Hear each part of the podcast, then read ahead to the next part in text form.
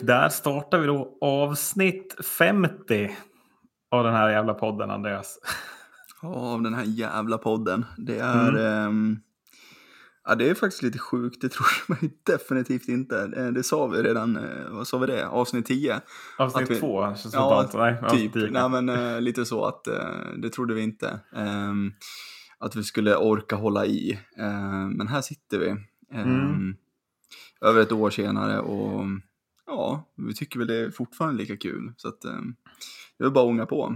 Ma- Marcus får väl lägga in, Marcus som tyvärr har fått ge ett eh, sent återbud till den här podden, då, lite antiklimax, får väl lägga in någon slags eh, sån här fanfar här. Ja, Fira dessa 50 avsnitt. Eh, men vi kastar oss rakt in. Ska vi ta ner NHL lite kort? Vi hann med ganska mycket förra gången. Det Mm. har inte blivit jättemycket mer som är klart egentligen. Mer än att Montreal är klara för semifinal. är väl det enda laget.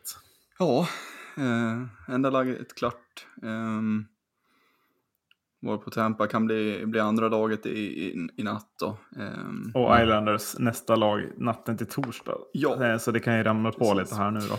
Absolut. Ehm, och det trodde man väl inte, ehm, att de skulle bli första lag och bli klara. Ehm, Ja, man trodde väl inte de skulle svepa Winnipeg. Nej. Det får jag väl ändå medge. Att, Det- det, inte att det de skulle man inte. vinna trodde vi väl, var det ju framförallt du inne på. Som Ja. vanligt.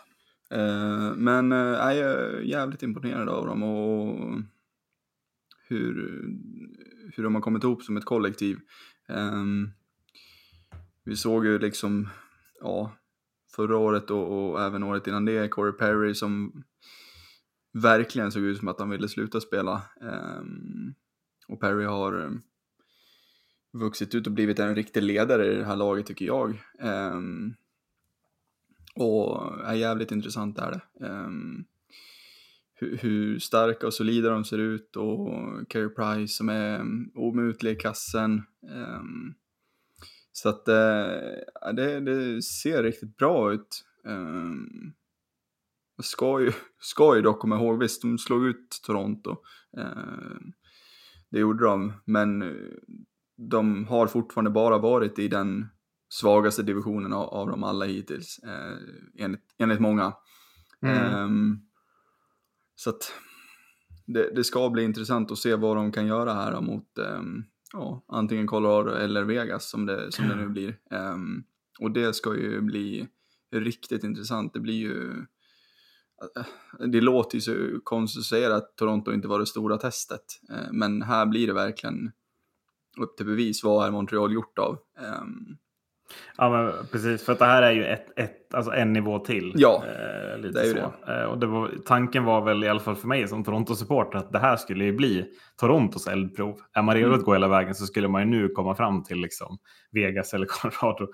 När det är istället Montreal som gör det. Eh, Mm. Och att de slagit ut, eller sättet man slår ut Toronto på är- väl egentligen det mest imponerande. Att man vänder det. Alltså man har ju nu läget sju raka segrar i det här slutspelet. Ja. Det är inte många lag som har någon gång under en säsong ens. Eh. Så jag tycker det är nästan det som sticker ut. Jag tycker absolut starkast att man inte Ja, men att, inte, att man inte blir lite omotiverad ens efter match tre och låter Winnipeg sno en match. eh, Ja. Liksom så bara eh, av ren heder och sen så blir det klart. Utan man kör på, kör på, kör på. Nu har man ju faktiskt man har ju otrolig förberedelsetid för att det kommer ändå Alltså laget som kommer, om det är Vegas eller Colorado, kommer ändå ha troligtvis gått eventuellt sju matcher. Jag har svårt att se att det nästan inte ska bli det, sett hur serien ut som man ser nu när Vegas tog två raka hemma. Men alltså, ja. Känslan är ju att det verkligen kan vara sju ganska tuffa matcher för det laget som kommer dit. Och då ska de ändå ladda om mot Montreal. ja, men det, helt det, klart. Det krävs. Det kan vara, det kan vara alltså Montreals också så här, lycka i det här läget. Att de, Mm. de hinner förbereda sig så länge för det här. Ja, men precis. Och, och som du säger att det, det ska mycket till om det inte blir sju matcher mellan eh, Colorado och Vegas. Och, och Montreal som får ligga hemma och gnugga och bara göra sig redo för det här. Ehm, ja, äh, det ska bli jäkligt intressant. Ehm, kul också att Erik Gustafsson får göra första målet för, för Montreal. Um, jäkligt fint mål. Ehm, och extra viktigt för, för honom också, han har ju haft jäkligt eh, tufft på slutet. Ehm, har han ju, eh, sen han böt Mm. från eh, Chicago. Ehm, så att, ehm, ja, är riktigt kul för honom eh, ur rent svensk perspektiv. Ja, vad har vi mer för svenskar som är aktuella för den där uh, Alltså för, för titeln ska man kanske säga. Jag vet inte. Det, är väl, vi har ju, det känns som att Landeskog och William Karlsson, någon av dem, Ja. eh, vi har ju, det är väl de två stora. Sen har vi väl även eh, Burakovsky, jag ska inte vara taskig mot honom. Han finns också. Och Nemeth finns där i Colorado också. Mm. Men om man ser till de stora. Carolina har inte en enda svensk va? Eh, jo, Jesper Fast. Jesper Fast har gått hit, gud jag har så dålig Mm. koll. Eh, men annars är det väl Viktor Hedman eh, som sticker ut igen som ledande spelare på allvar. Eh, Mm. liksom så. Och det är på nytt 3-1 mot Carolina eh, i matcher. Och eh, Tampa Bay har ju hittat den här, har ju hittat en till växel väl. Typ. Ja, och det, vi har ju pratat om det. Det är ju tråkigt på ett sätt. Mm. Men ja, de ser riktigt giftiga ut, gör de. Eh, Och det ska bli väldigt in- intressant. Eh, Jag headhuntade ju Islanders lite in i förra podden. Ehm, Och de har ju ledningen nu mot Boston eh, Mm. med 3-2 och kan som sagt avgöra det. Och jag tror att sätter, sätter Islanders sin ramstarka defensiv som, som de är kända för, så jag tror de faktiskt kan störa på allvar. Eh, och till och med kanske kunna rubba dem också. Eh, Ja men för de stör ju Boston verkligen på allvar. Ja. Eh, där är det ju snarare Bostons defensiv, du var inne på det också. Mm. Eh, där är det ju inte samma nivå. Nej. Utan Nej. den sviker ju lite. Ja, men precis. Sen, var, sen ska vi komma ihåg också, det var ju inte mycket som studsade med, med eh, Boston i, i natt då. Eh, Nej, verkligen inte. 19 skott mot 44 för Islanders. Gör alltså fem mål på de 19 skotten. Det, är, eh, det kan inte bara vara skicklighet i alla fall, tror jag. Mm. Nej, precis. Och sen så var det några ja, konstiga beslut tydligen som domarna hade tagit och, och vice versa. Så att, ehm, Boston skulle ju ha vunnit den så att säga. Ehm, Mm. Men det, det är ju målen som ska göras, det är de, som det. räknas. Ehm, och nu står de här och, och eh, kan åka ut liksom. Så att, ehm, Ja, men precis. det blir, blir riktigt intressant. Ja. Eh, något mer ska med från NHL eller ska vi återkomma när vi... Det lär ju vara semifinaler i full gång nästa gång vi hörs i den här podden, tänker jag. Ja, precis. Ehm, Men, om, eh, det, om det inte blir, om inte Carolina lyckas med något alldeles extra och, och sådär. Nej, Så att- men också jag tänkte lite på det så här. Jag tänkte det, ja men Carolina, de, de kanske kan vända, men sen tittar man på förra matchen. Alltså, då leder ju Carolina, de gör ju 4-2 där i andra perioden. Ja, Och då tänker man, ja, men då kanske de nyper den här bortamatchen så det blir 2-2 matcher. Alltså det är, då, då liksom, då, de har liksom vänt innan andra perioden är över, Tampa Bay. Ja. Och det tycker jag är ett sånt jävla statement. Det är inte att de bara vänder matchen, utan det är liksom på sex minuter den här matchen vänds. Från Ja. 2-4 till, till 5-4. Och det känns som ett sånt där, så här, tror ni att ni ska kunna vända den här matchen? Liksom, ja, lycka till. Ja. Det kommer liksom inte hända. nej. Själv känslan jag fick av den vändningen. ja, nej men precis. Jag låg och kollade på den och det, alltså, på tal om utvisningar, här var det liksom, alltså det var så totalt onödiga utvisningar som de tar. Och speciellt Svesjnikov också som, ja, jag vet inte vad han höll på med faktiskt.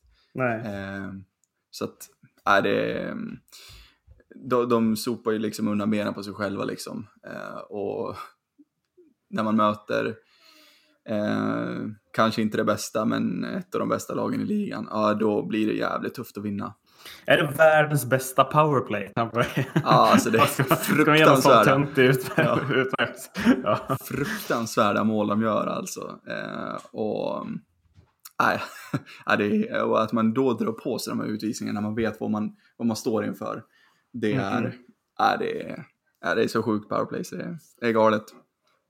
Ja, och Kutjov är ju igång. Ja, På det, där. alltså, så här, den, formen han hade i ligan där för något år sedan, Mm. den har ju han i slutspel nu. Det är ju också så här, lite kul för honom kan jag känna, att få bevisa sig hela vägen. ja men också inte spelat Alltså, en match i grundserien, eh, rehabbat efter operation eh, och bara liksom, ja, han bara kliver in och dominerar. Ja, 17 poäng på 10 matcher. Det är alltså på hela säsongen. Och de Mm. Ja. 10 matcherna i det här slutspelet. Ja, Ja, det är fullständig extra. Det är ju bara NHL kvar. Eh, Det är Hockey-VM är ju över. Eh, Ja. Och aldrig trodde jag skulle säga meningen att vad oväntat det var att Kanada vann Hockey-VM. Men eh, här står vi. här, står, här står vi. Mm. Ja, det är fascinerande faktiskt. Mm. Och de bevisar ju alltså, återigen att det är världens bästa hockeynation. Alltså, det, jag tycker det bara är så enkelt. Ehm, när, man, när man kommer dit med, med en, alltså en, en första kedja med, med liksom med Japane, Henrik och Connor Brown. Mm. Ehm, och det, det ska ju inte skrämma, skrämma någon egentligen. Eh, men ehm, sen kom de ut och skrämde alla dagen. För att, eh, så att det är ju, det visar bara på att det finns extremt mycket talang alltså, i den nationen. Och alltså, på ett sätt så blir det ju så, men det, det är ju för att det är för att dels, du har 32 lag från och med nästa säsong då. Eh, men 32 lag i ligan och så ska det få plats alla de som, som spelar liksom. Alltså, Mm. det blir inte mycket plats. Ehm, och, och då förstår man att spelar man i tredje, fjärde kedjan i NHL, ja men då är man rätt bra. Och vi har ju sett prov på det ganska många gånger av de här eh, svenska spelarna som åker över. Ehm, ett namn som ploppar upp, Marcus Kryger, Mm. var ju hur bra som helst i Djurgården och jättebra offensivt, kommer till Chicago och får en defensiv roll. Eh, och blir en av de bästa defensiva ja, centrarna i ligan eh, Ja. efter några år. Liksom. Eh, så det blir ganska tydligt hur, alltså, hur, hur bred hockey, liksom, kunskap det finns ändå i lagen. Det är inte Ja, bara, verkligen. alltså det är verkligen inte bara brunkers i, i fjärde kedjan så att säga. Eh, Nej, det, är ju, det som är så tydligt är ju att så här, allting handlar ju om roll. Ja. Alltså man får en roll och den rollen tar man. Det har vi ju inte riktigt på samma sätt i Sverige. ju. Nej, Eh, Men jag tycker att alltså, Connor Brown går alltså in i, han är ju, gör alltså 2 plus 14 i det här mästerskapet. ja det är så. Eh, Alltså han var ju typ en brunkare som krigade boxplay när han var i, i Toronto. Sen gick han till Ottawa för att få mer offensiv speltid. Mm. Och det har han ju fått, men inte alls på den här nivån. Det här är ju något helt annat. Jag menar, han är ju, alltså passningarna han slår i det här. Eh, Jag tror att Ottawas coach ändå fick upp ögonen för att här har vi liksom, Mm. det här är en spelare vi kan använda på ett helt annat sätt Ja. eh, jämfört med vad, vad man gör i nuläget. Så det är väl också ett, ett sätt för honom att förlänga sin karriär som en lite, eh, spelare i lite högre upp i hierarkin kanske. Ja, nej men precis. Och jag menar, han, han gjorde 14 assist på hela säsongen, liksom NHL. Mm. Eh, då förstår man lite att det finns lite mer att hämta. Ehm, så att eh, Ja, ja, det, är, det är så jäkla, Ja, det är så verkligen. sjukt när man tänker på det. Alltså hur, hur det är. Och det var ju som du sa, det finns inte riktigt de finns inte riktigt sånt här i Sverige. Eh, för att i tredje, eller främst fjärde kedjan, för där, där är det ju liksom, där är det juniorer som kastas in, alltså Mm. lite så. Eh, det finns liksom inga, ingen tydlig roll för att okej, du ska bara gå in och göra det här jobbet. Ehm, vi vet att, vi har sett det på träning, vi vet att du kan göra det här jobbet, du ska in och göra det här jobbet, göra livet surt för motståndaren. Mm. Ehm, så, du ska ta puck till offensiv zon, eh, få tekning eh, och that's it liksom. Eh, lite Ja så. men verkligen. Blir det mål så är det en bonus typ. Ehm, så att, ja, det är sjukt imponerande eh, av Kanada eh, och lösa det här guldet. Eh, ja, och de ska ju verkligen ha... Alltså det är så himla upp och ner turnering för Kanada, men de ska väl ha all... Alltså det, det går inte att göra något annat än berömma dem. Eh, Nej. sen inleder de i turneringen med tre raka torsk, men det, det känns ju helt oviktigt i nuläget. Liksom. Eh, så. Hade Sverige gått och vunnit det guldet hade ingen brytt sig om den här torsken mot Danmark heller. Mm. Eh, andra lag att berömma. Jag tänker främst på eh, Tyskland såklart. Mm. Ska vi börja där? Jag tycker även att finnarna ska väl, vi ska väl prata om, när det gäller beröm, ska väl finnarna ha sitt också kan jag tycka. Ja. Som återigen är i final. Ja, och det, det känns lite som att det blir gång på gång. Ja, jag vet inte, det, de är alltid med och hotar. Ehm, de hade ju en riktig dipp, när var det? Eh, det var ju inte jättemånga år sedan. Nej, Ehm, precis. Där de liksom nästan var nära på att åka ur av EM, eh, kändes det Mm. som. Eh, men eh, efter det så är riktigt, eh, riktigt stabilt rakt igenom och, och vi, vi gick igenom lagen inför också och det var ju ganska tydligt också att det är långt ifrån det bästa laget och det var väldigt många som vi inte kände igen heller liksom från det här finska Nej, men laget. verkligen. Men ändå att, det kommer, att de kommer fram och då, de tar det ansvaret de tar eh, och de tar Finland, liksom Finland till, till en final. Ehm, Mm. Ja, det är ju ett ribbskott ifrån att man gör om det man gjorde för två år sedan. Ja. Inte samma skräll den här gången eftersom att motståndet var så pass mycket sämre än vad Mm. Kanada och, och de hade för lag då. Mm. Men det är fortfarande ett lag som inte på något sätt, om man tittar spelare för spelare, ska vara med och hota om ett guld i den här turneringen ändå, tycker jag. nej, Eh, Och jag tycker att Sveriges lag på pappret är bättre, men, men Finland visar ju att får man bara ihop en grupp som krigar för varandra i en hel turnering, ja, då kommer man jävligt långt. Då slår man framförallt de här äh, brödgängen som Sverige hade problem med. Mm. Eh, Där, är det inte, där, är- där har man attityden och då vinner man ju lätt mot de lagen. ja, nej men precis. Så att, eh, stort beröm dit också. Tyvärr, får man väl säga kanske. Ja. Eh, Men Tyskland då, ska väl ha det största eh, berömmet. Det slutar ju lite trist med två ganska stora förluster. Då. Ja. Eh, eller inte, nej, med, med en stor förlust. Men man förlorar med 2-1 mot Finland, eller mot Finland i semin. Å- så, ja, man bryr sig ju inte i bronsmatchen. USA gör ju vad man vill där. Ja. Men att eh, Tyskland är framme i semifinal i ett hockey-VM. Det kan inte ha hänt många gånger. Det var OS-turneringar från ett år sedan och gällde också. Men annars så. Ja, nej det är... ehm, Det var som vi var inne på lite också. Eh, tysk hockey är på uppgång. ehm, Alltså in i helvete spontant. Ja, nej men precis. precis. Och det, Det var, det var som, samma där lite som Finland också. Vi var liksom, det var inte många som, som man hade koll på. Eh, det var väldigt många från den inhemska ligan. Ehm, och det är lite samma där eh, som med finnarna. Eh, som du sa, att får man ihop en grupp, man jobbar tillsammans och för varandra, så då tar man sig långt i mästerskap. Ehm, Mm. Det var väldigt tydligt på den intervjun som eh, vad heter han, Moritz Müller, eh, kaptenen, gjorde. Eh, efter att de tog sig till semin att alltså, det betyder allt. Och det betyder liksom det betyder allt för dem och det betyder allt för, för hela nationen nästan. Liksom. Hela Mm. hockeynationen, eh, Tyskland. Att vi är här eh, och vi kan vi kan slå alla lag om vi fortsätter så här. Eh, och även man fick ju lite gåshud av att, se tårarna som, som var där liksom. Mm. Eh, Så att, eh, nej, riktigt imponerad av tyskarna och det ska bli intressant att se om de kan fortsätta rida på, på den här vågen för att de, de får ju uppenbarligen fram väldigt mycket talang. Liksom. Ja, och jag menar vad är det för... Alltså vad är det för generation man håller på att få fram här? ja, Det är, Tim Stützle är tysk också va? Visst är jag inte dum i huvudet när jag säger det? Alltså han är inte ens med här. Han är 01, 02. mm, Eh, vi har Moritz Seider, han har vi sett. han har varit, alltså vilken säsong Moritz Seider har. Det måste ju Ja. vara. ja, Det är helt sjukt. Han är född 01. Sen har du de här gubbarna Peterka och Reichel. De är födda 02 liksom. Mm.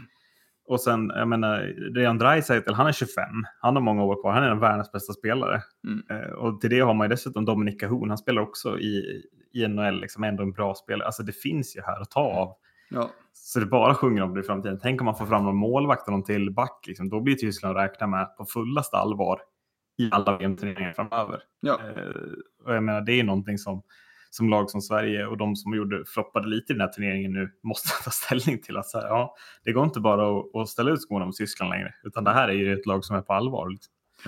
Nej, men och det, hockeyn blir bredare, hockeyn blir liksom mer attraktiv ehm, i, i andra länder också. Alltså så här, visst, Mm. tyskarna har, har länge haft, haft hockeyn så, men det är ju fortfarande så här, det har varit några enstaka fall som har kommit fram här och där liksom. Eh, som Ja. man har sett att shit, det här är, det här är bra. Ehm, men som du säger, den generationen som de har just nu och, och kan de fortsätta fylla på, ja, då ser det riktigt ljust ut. Ja, men framförallt om liksom 6-7 år Ja. så kan det finnas en, en otrolig generation att jobba med här. Ja, men verkligen. Verkligen. Eh, ska säga något om USA också? De kanske förtjänar beröm ändå. Ja, Vi sågade dem fullständigt, framförallt av de beröm. Det blir brons. ja, nej men precis. Um, riktigt stark, eh, starkt gruppspel. Ehm, och ja, de tar medalj liksom. Det, Mm.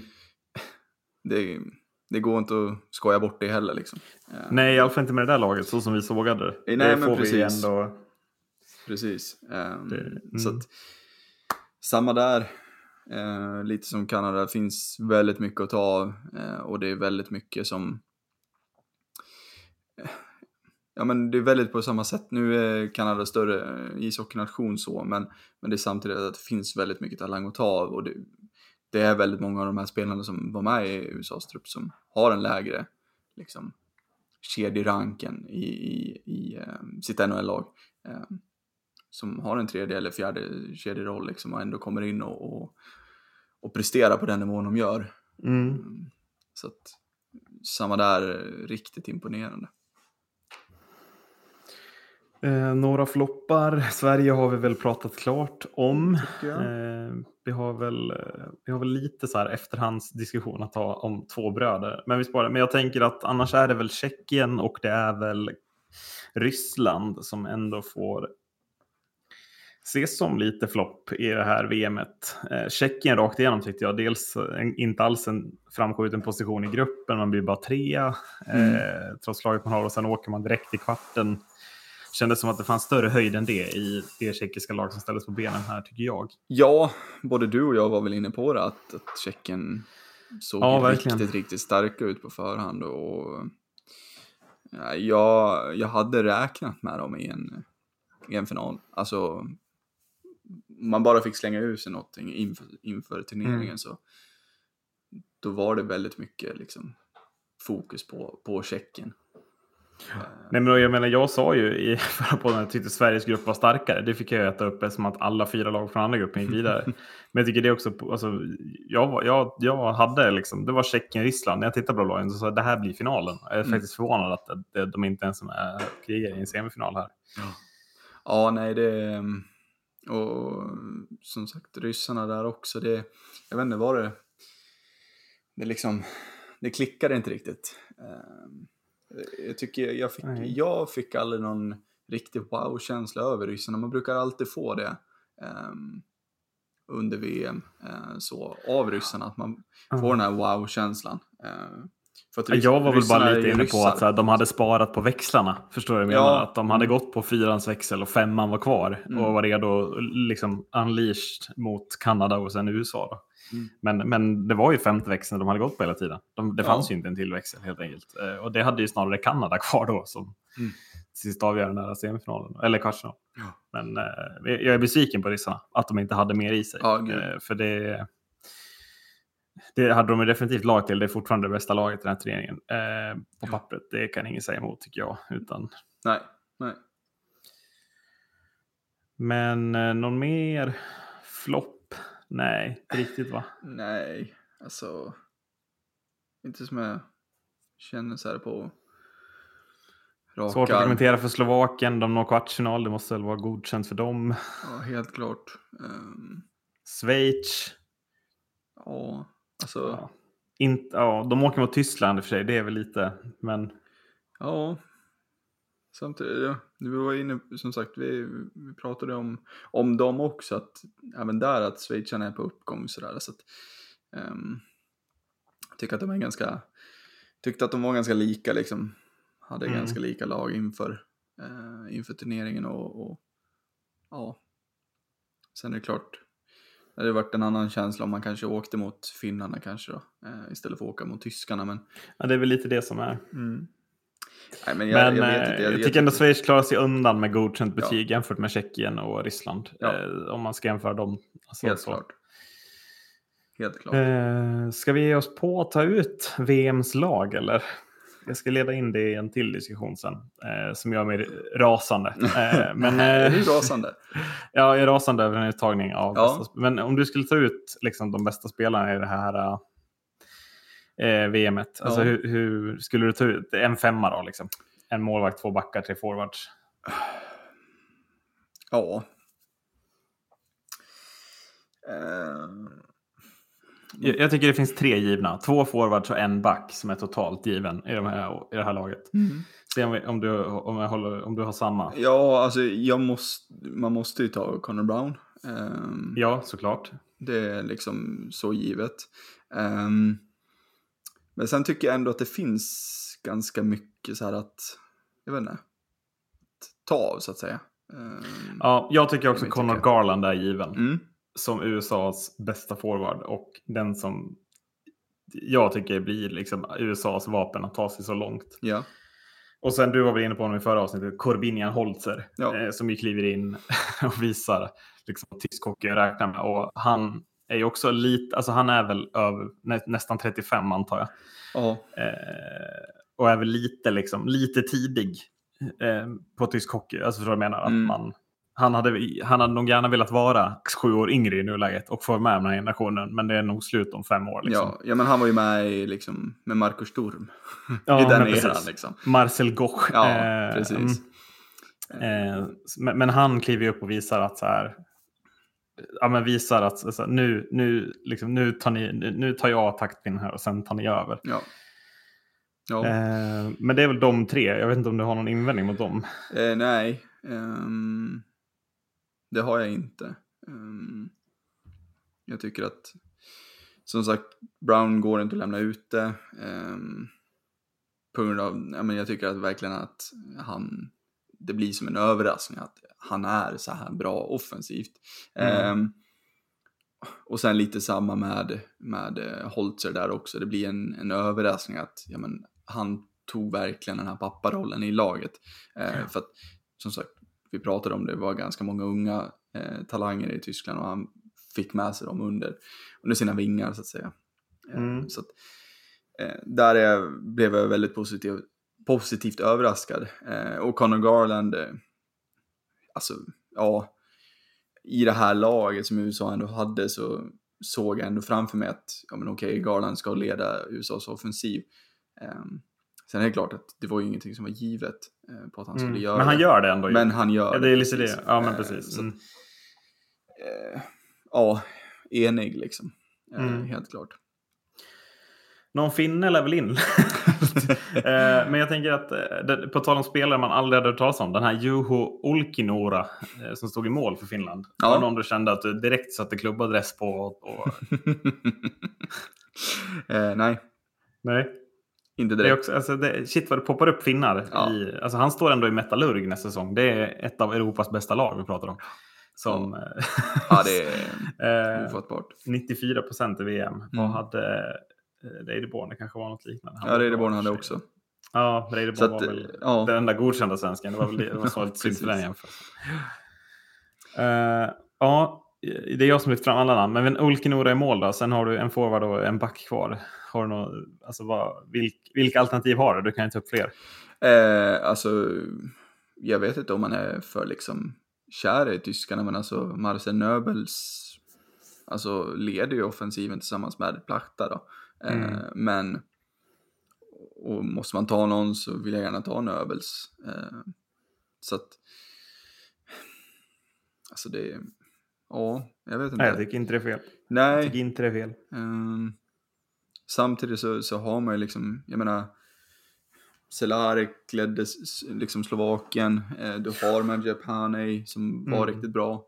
Eh, spelade sju matcher också bara, ska tilläggas liksom. Så Ja, att, precis. Det är väl det som talar för honom kanske. ja, så att, ehm, och jag menar, du har din fira Mor- Mora-koppling i, eh, Liam Kirk. Ja, fast Alltså- nu. Alltså, är det någonting som är självklart? Eh, eh, eh, Jag kommer till en, spa- jag kommer till en spaning snart. Ja. Jag, jag sparar den. Vi, vi tar ut en, en back också. Mm. Nöbels får ju såklart platsen. Mm. Otroligt roligt namn.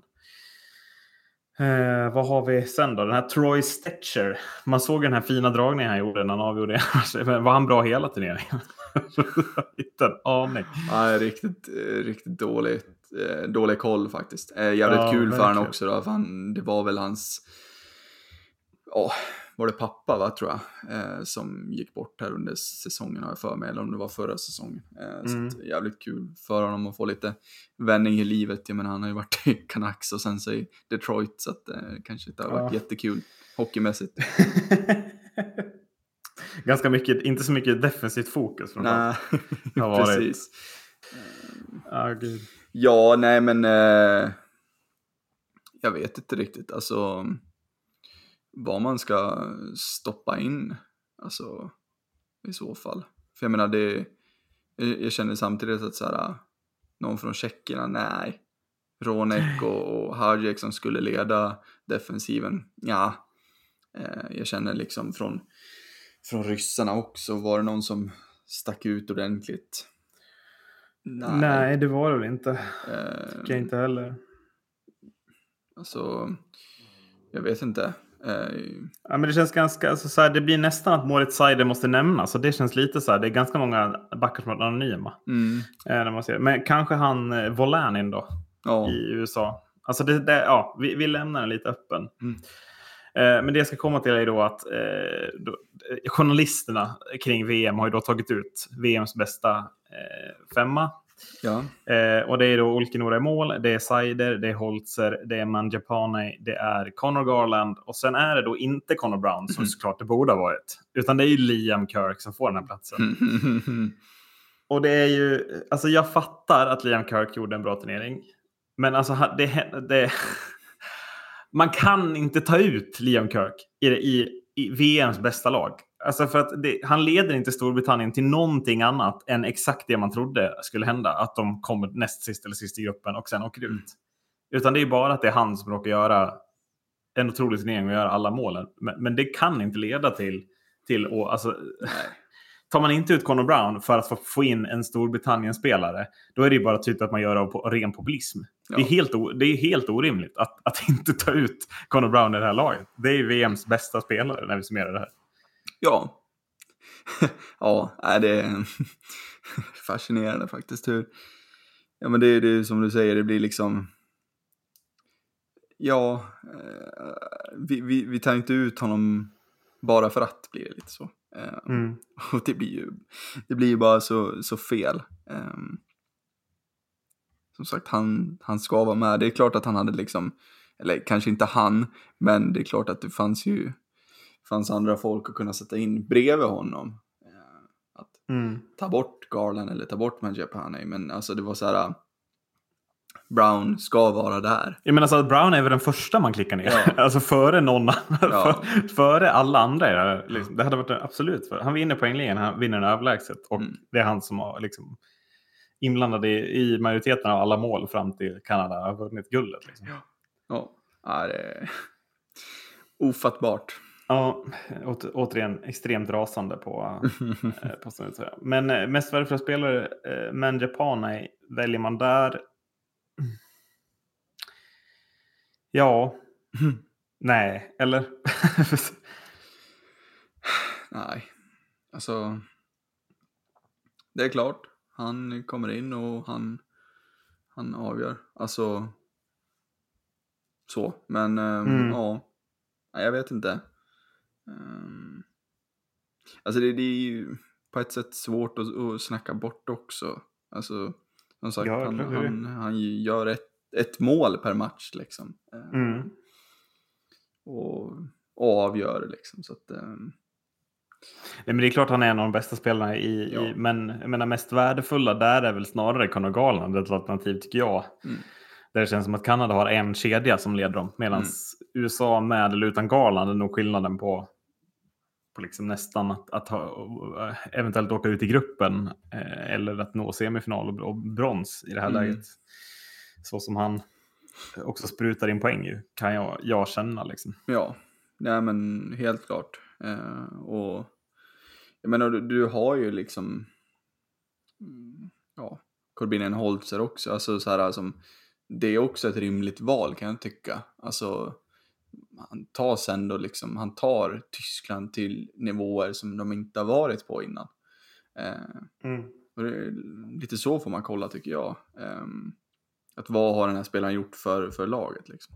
Ehm, Sen är det som sagt, det är svårt att snacka bort att man, man vinner ett VM-guld liksom. Eh, åt, Mm. åt nationen. Men, men ehm, ja, det, det fanns lite mer att välja på i Kanada kanske. Lite, ja, men lite, alltså lite in tillbaka till svensk hockey då, efter mycket NHL och VM de senaste veckorna. Mm. Ehm,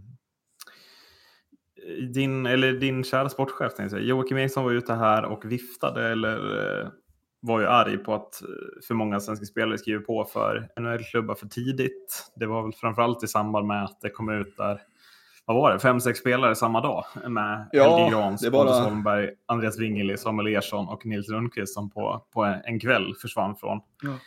från svensk eh, ishockey. Tidigare såg vi väl också Erik Källgren som ett exempel som var klar för Frölunda, men, men direkt eh, så fallerade det kontraktet och han skrev på för Toronto. Då. Mm. Eh, och det här fick ju då eh, Eriksson att ja, gå i taket, vet jag inte. Men, Han har eh, varit lite arg här på kritisk. Ja, kritisk är han ju definitivt. Ja, vad, vad har man att säga om det? Ehm, att man... Eh, eh, både, jag håller med, men, men samtidigt så, så får man ändå se till var, vilka det är som skriver på kontrakten. Ehm, Kan jag känna. Ehm, För Eriksson ska vi bara ta vad han, alltså han säger då att det är så stor procentuell del av spelarna som inte etablerar sig i NHL sett Mm. till att det sett till hur många som åker över varje år. Då är det hans tydliga uppfattning att många åker i för tidig ålder. Ja, och att liksom, ja, han vill att svenska klubbar ska ta ett större ansvar när det gäller det här att, att visa att okej, stannar du i två säsonger till så kommer du verkligen att kunna gå in i NHL att, och prestera. Alltså, du kommer vara där och stanna där. Ehm, istället, för att åka, eh, istället för att åka över, uh, vara med på camp, kanske lira lite AHL och sen så, ja, sen är du tillbaka hemma igen. Ehm, och att det går, går för fort då. Ehm, jag kan väl hålla med honom ehm, till viss del, men sen så, som sagt så måste man ändå se till vilka spelare det ändå är som, som, som skriver på kontrakten. Um, om man, jag vet inte, om man tar en sån som Nils Lundqvist till exempel. Mm. Jag anser ju att han är, jag anser att han är redo för NHL.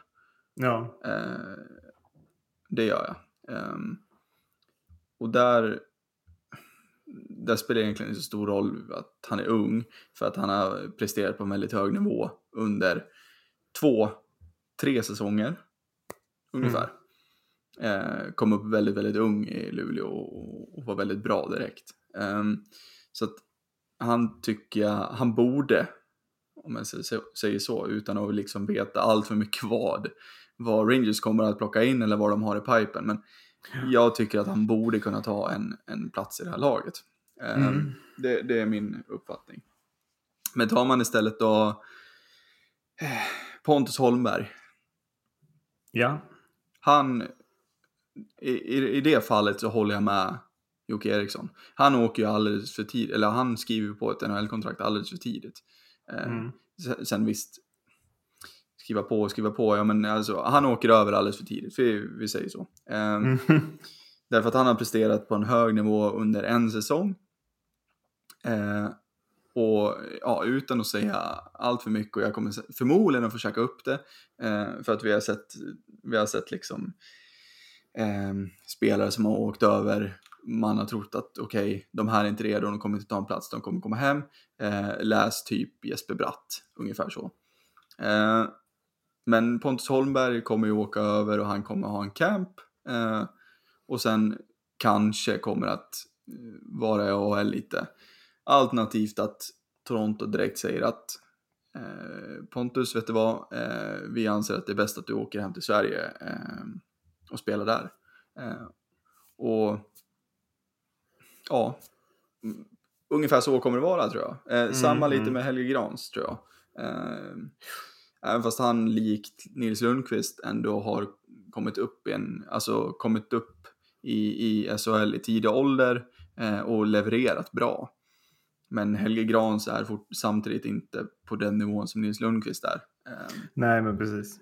Så där kommer det vara ganska samma fall som Pontus Holmberg, det är, jag är ganska säker på det. Eh, Eh, Det jag tycker att Joakim Eriksson lite dock utelämnar här från, eh, eh, från sin diskussion. Det är att han, han är väldigt inne på att här, man ska direkt etablera sig i NHL. Eh, Mm. Jag vet inte, alltså, så här, är det helt negativt att ta ett år i NHL, verkligen alltså, akklimatisera sig till spelet där borta, för att sedan på ett bättre sätt kunna spela sig in i, i NHL-laget? Förstår du vad jag menar? Ja, nej, jag förstår. Um, Alltså, jag tittar på spelarna som åkte över. Alltså, jag tycker inte att det, det är en slump att spelare som Andreas Wingeli, Mattias Norlinder och Viktor Lodin exempelvis tar chansen på andra sidan. Eh, jag tycker heller inte att det är konstigt att målvakter provar för att de har liksom en uppgift, rädda puckar. Och vart får man bästa träningen för att göra det? Ja, det får man troligtvis på andra sidan. Mm. Liksom. Mm. Men, men, att vissa spelare känner jag, framförallt de jag nämnde, Wingeli, Norlinder och Lodin, det är spelare som jag känner när jag tittar på dem de passar nästan bättre på en liten rink där de får utnyttja sin skridskoåkning och sin puckskicklighet. Mm. Eh, mer än på en svensk is där, där liksom Ilari Merat kan stå och vänta på Andreas Wingeli mm. eh, på ett annat sätt. Liksom. Mm. Att jag tror att, att de spelarna vill också testa liksom, liten rink och se hur de kan utveckla sitt spel där. Att man inte får underskatta den eh, grejen heller. Att det är så här, Ja, nej, gud nej. Mm. Och, och, samtidigt så, jag menar, skriva på ett NHL-kontrakt, det är väl allas, alltså allas dröm. Ja, alltså, så, och det är unga killar. Ja. De här är yngre än oss allihop, långt ja. yngre liksom. Nej men och, och precis, och det, det, måste man komma ihåg också att det är ändå, alltså det är män, alltså människor på ett sätt. Um, mm. Varje, varje liksom hockeyindivid ute, ja men, säg, ja men i hela världen, det är ju liksom det enda man vill uppnå egentligen, alltså när man är i ung ålder, det är ju att skriva på ett NHL-kontrakt. Alltså, så enkelt är det ju. Alltså det är ju dit alla vill komma när man, när man eh, är tio år gammal. Alltså det enda, enda man tänker på att jag ska bli en, en NHL-spelare. När man väl får en chans att skriva på ett NHL-kontrakt. Ja men alltså, ja. Ta Holmberg då till exempel. När mm. väl Toronto kommer och säger att du vet du vad, vi vill signa med dig. Ska han säga nej? Alltså, ja, precis. Det blir ju lite så. Mm, um, mm. Så att jag, jag, jag, upplever inte att det är så många ändå som åker över och blir fast där. Förstår du vad jag menar? Och det är, lite, mm. det är lite där jag kanske känner att eh, Jocke vill komma med den här intervjun. Ja att han anser att det är väldigt många som åker över i för tidig ålder och, och, och blir fast där. Blir fast i AHL. Mm. Um, ja men kolla, kolla till exempel uh, Jonsson Fjällby. Mm -hmm. Där har vi ett exempel på att där börjar det kanske hända sån här sak. Nu har han skrivit, precis skrivit på ett nytt tvåårskontrakt med Washington som ger han en väldigt, väldigt mycket bättre lön än vad han har haft innan då. Och sen är det också en väldigt, väldigt mycket bättre lön än man hade haft hemma i Sverige. Mm. Um, men, men det är väl kanske ett sådant fall som jag känner för att jag menar, Jonsson Fjällby i mitt tycke har ju ett, alltså, han har ju inte ett stort register, men han har ett register som, som, som passar bra i nordamerikansk hockey. Med sin frenesi och allting och sin skridskoåkning och så vidare. Ja. Um, så att Alltså det, det, är, det är en svår vågskål liksom. Alltså, ja. Ska, men, ska, men, ska, man, ska man inte ta chansen? Alltså ska man tacka nej till ett NHL-kontrakt och sen så nej, kanske det, alltså det, det gör man ju bara inte. Det är klart man inte det. Och sen tycker jag också, jag tycker att Joakim Eriksson lite får titta också till att så här, ja men, och de här spelarna som åker över nu då, vad hade de haft, vad kan de få för roll i NHL kontra vad de kan få för roll i, i SHL liksom? Mm. Ja, då tittar på Pontus Holmberg, det är ju återigen exempel. Han hade blivit andra center nu i SHL. Mm. Till och med första center eventuellt liksom, i Sam Hallands Växjö. Det blir han absolut inte i Toronto. Nej. Utan där pratar vi antingen eh, fjärde center eller eventuellt ytterforward. Ja, men det vill han inte spela. Så där är det också fel att satsa lite på fel lag. Men däremot ser man som spelare som Andreas Wingeli. Ja, vad hade det kunnat bli? Det hade kunnat bli typ tredje kedjan i Skellefteå. Mm. Eventuellt andra kedjan. Men, men fortfarande samma roll. Eh, liksom. Och det kan det bli i Colorado också. Det kan bli en tredje kedja på kanten om han gör en jättebra camp och ja. får chansen. Ja. Det kan bli exakt samma roll fast till bättre lön i världens bästa liga mot bättre spelare. Ja. Eh, och Mattias Norlinder är samma sak. Det hade kunnat bli ett andra backpar i Frölunda. Ja, det kan bli andra backpar i Montreal också om han gör det riktigt bra mm. och visar framfötterna. Mm. Alltså, om, om spelarna ser så här, vad får jag troligtvis för roll i SHL? Vad får jag troligtvis för roll om jag gör det riktigt, riktigt bra här borta? Mm. Om det då är samma roll, ja, då blir ju inte valet särskilt svårt. Nej. Eh, men jag tycker, jag, jag tycker tror att, liksom att det är... Ja, nej, men jag, jag tycker att Nils Lundqvist är ett ännu bättre exempel. För att hade han stannat, ja, då hade han varit toppback i, i Luleå. Ja, då är han etta i år. Ja, precis. Men tar han chansen nu då, eller nu när han tar chansen i Rangers, ja men alltså han skulle kunna lira um, top four minutes, alltså vara um, ja, bland de fyra backarna. Alltså Ja. i mitt tycke. Definitivt. Adam Fox är, alltså om man kollar right-sidan, så jag tycker den är, ser jätteintressant ut i så fall. Eh, Mm. Adam Fox är given ett efter den magnifika säsongen han hade i år. Eh, men sen är det eh, Lundqvist eller Jacob Truba. Eh, Jacob Truba Mm. är ju liksom etablerad och, och storstjärna, tjänar, vad gör han, 8 miljoner dollar om, om, om året. Så, det får man absolut väga in att ja, han har ju väldigt mycket högre status. Men jag menar, kollar man på Nils Lundqvists liksom, korta VM som han hade, kollar man på hans säsong som han hade i år i, i Luleå, eh, jag menar, fortsätter han på den vägen eh, och gör en, en, eh, liksom, en riktigt bra camp, ja men då, då utmanar han Truba om, om alltså de minu extra minuterna som han kommer få då. Och jag Jo menar- men verkligen. Ja, och, och gör han det bra, alltså, ja men då spelar han, alltså då spelar han mellan 15 till 18 minuter varje match i NHL den här säsongen. Jo men verkligen. Eh, Så, så det, är, det är verkligen lite, och jag menar att titta då på Alexander Holtz eh, som väl är Joakim Erikssons absolut största rädsla för att tappa, kanske också William Eklund. Ja, Men vad kan Alexander Holtz erbjudas då? Ja, troligtvis en plats i andra kedjan som sniper där liksom. Mm.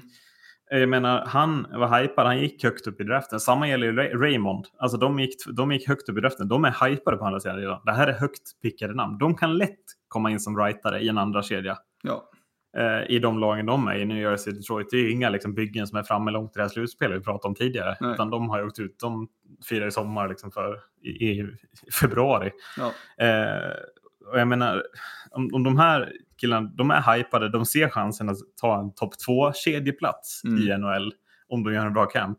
Ja, men varför, varför skulle då en topp två kedja i, i Djurgården eller Frölunda locka mer? Mm. Det finns ju inte på, det finns inte på kartan. nej, Eh, utan det blir ju bara, då måste ju Joakim Eriksson erbjuda något bättre. Ja, då är det ju Alexander, du spelar i första serien du är här. Mm. Alltså då är det det han måste erbjuda. Och det vågar han inte göra, för då är han rädd för att det ska bli, ja, han kanske inte presterar, han är ung fortfarande. Då är det ju den där grejen. Ja. Och um, då, då är det lätt att klaga. Men ja.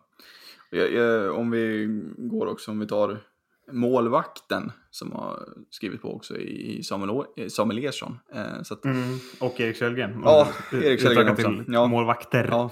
Ehm, och- där, där tycker jag det är väldigt intressant också för att, för att man ska komma ihåg att Ersson blev draftad eh, redan 2018. Han har inte skrivit på något Mm. kontrakt med Philadelphia ännu. Men nu gör han det. Så uppenbarligen är det någonting som Flyers verkligen alltså, ser hos honom nu. Att istället för att bara låta liksom den här att inom tre år, ja men då kan vem som helst signa dig.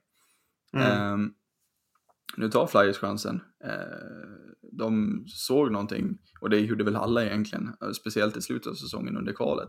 Eh, att nu ser vi någonting här hos, hos Samuel och då tar vi den chansen, vi signar dig. Jag menar, det är inte alls omöjligt att han, alltså eh, på riktigt eh, liksom aspirerar på att ta andra spaden bakom Carter Hart i år. Eh, du har Nej. Brian Elliott. ehm, han är väl inne på sitt sista, sista kontrakt nu. Jag tror kontraktet går ut efter den här säsongen. Mm, det tror jag. Men, men samtidigt ska de hålla på och plocka in en, en, en andra keeper. Ja, det vet fan. De ska skriva nytt med Carter Hart också. Men Mm. men, eh, och det kommer de att göra. Kort är ju ja, ja, liksom. ja, Carter Hart kommer ju skriva, skriva nytt. Men Brian Elliott kommer de inte skriva nytt med. Det är ganska, det är ganska övertygad om. Eh, och jag menar, Mm. då står man där. Eh, och där finns det ju alla möjliga chanser liksom för att för Ersson eh, att, att kunna ta den, den platsen. Jo, men det är det, alltså, det är det menar. Och för en målvakt, jag, tycker, jag kan aldrig tycka att det är fel Nej. att som målvakt åka över och prova lyckan. Nej. För att alltså, det räcker med två skador Mm. så är du helt inne i NHL-truppen och då får du chansen. Ja. Det är mycket svårare som back eller forward, för där finns det ja, dels redan några som är liksom tänkta bänkspelare, så, men det, det är så kort, kort fram för målvakterna, Ja. bara det blir skador eller sjukdom. Liksom. Eh, Och då, det är mycket lättare att som målvakt få sin chans. Och tar man då chansen, ja, då höjer man sig direkt. Jag menar, får Carter Hart, det är en smäll på något finger som blir av 10 matcher. Ersson första keeper 10 raka matcher. Han håller sig på 92-93 procent. Ja, då är, det, då är han topp två målvakt. Då är, då är han det ett, två till liksom. Ja, ja. Bara på de 10 matcherna för att man, man såg vad han kunde. Liksom. ja nej det är helt rätt. Eh, men eh, ska vi, alltså, kan man förstå, om vi tittar på hela den här listan som du skickade då. Mm. Eh, jag förstår, när jag ser några namn här, alltså jag förstår att alla skriver kontrakt, men, men vad ser vi för vad ser vi för framtid för vissa spelare här? Eh, Ja, vad ser vi för framtid? Jonathan Berggren tror jag får jätteproblem exempelvis. Eh, Mm. Jag tycker inte alls hans spelstil passar in. Alltså, så som jag jämför, om jag jämför med Wingeli. Jag tycker att Berggren är en bättre spelare i SHL. Men i i NHL så tror jag Wingeli, där är det nog helt annat för honom jämfört med vad det blir för. Ja. Sen ska man komma Bergen. ihåg också vilket lag Bergen kommer till. Eh, Jo, jo. Det, det är inte Tampa Bay och det är inte Colorado som Ingele till exempel. nej, nej, nej, Simon Rifors kanske är det bästa exemplet Ja. egentligen. Alltså vad ska han göra i Tampa Bay? Nej. Och, att Nej, han behöver ju en, en alltså, det blir ju fjärde kedjegnugg. Jag menar, jag vet inte ja, om han det kommer, är jag, gnugg inte ens det två. kommer det vara. Nej, Alltså, nej, nej, men max det. Liksom. Han går inte in på topp två femmor där. Nej. Det är inte möjligt. Det gör han inte. Och är han dessutom center, ja, då ska han typ peta Taylor Johnson som fjärde center. Liksom. Det är ju en helt sanslös centersida han sitter på. Ja, ehm, vad har vi mer då? Ehm, ja. Alltså, jag, jag tycker ju att, alltså Arvid Söderblom, ja, alltså han kommer ju till ett, till ett liksom, till ett lag som, som Också målvakt Ja, nu. precis. Mm. Och kommer till ett lag som har haft lite problem nu på målvaktssidan. Så han kommer dit i rätt tid. Ehm, Ja, samma gäller väl Helge Grans Los Angeles. Den backsidan, Ja. det är väl inte så att man skjuter i höjden av in på det. Liksom. nej, samtidigt så, ja, nej, det... Ja, nej, det, det är så svårt att... För det, Mm. det är ju... Man blir alltid lika chockad över vilka spelare som tar och skriver NHL-kontrakt, tycker jag. Ehm, Ja, så är det. Att det alltid är fem, sex, ja, upp mot tio stycken per säsong som, som du blir så här, jaha, skriver han NHL-kontrakt? Varför? Um, uppenbarligen så ser, ser, man, ser de ju någonting, men eh, man blir alltid lika förvånad tycker jag. Ja.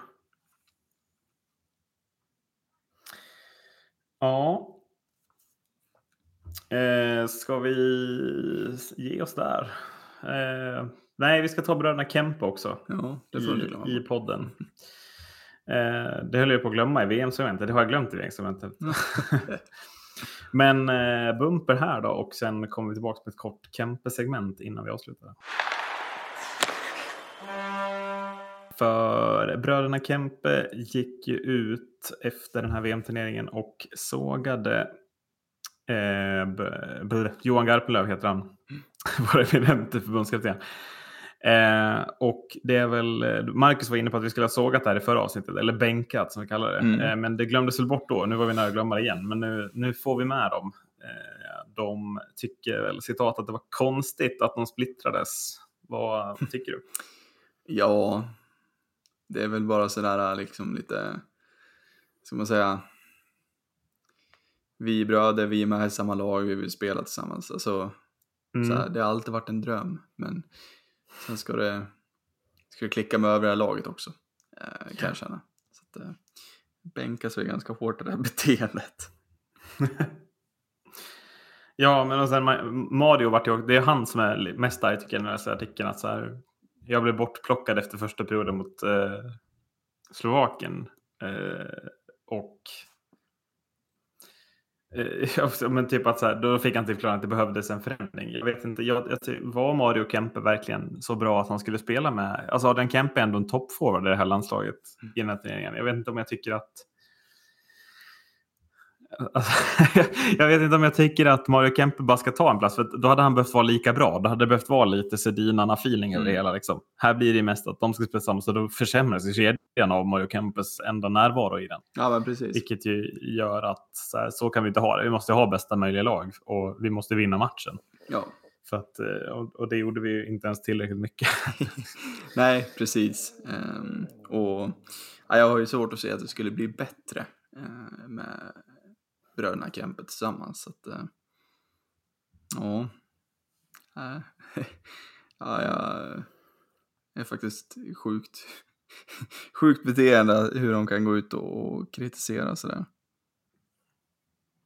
Ja. Eh, så faller det någon skugga över Garpenlöv här eller?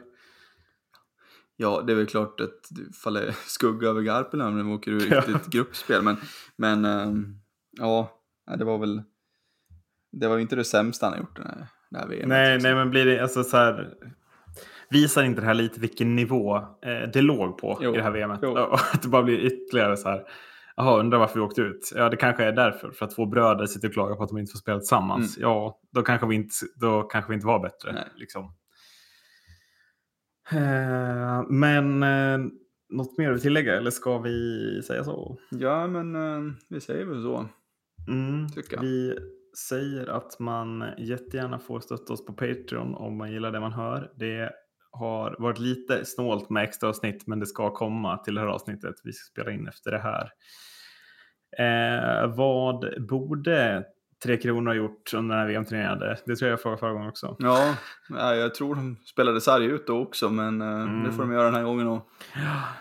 Eh, de skulle ha spelat sarg ut. Tack för att ni har lyssnat. Hej då! Hej då!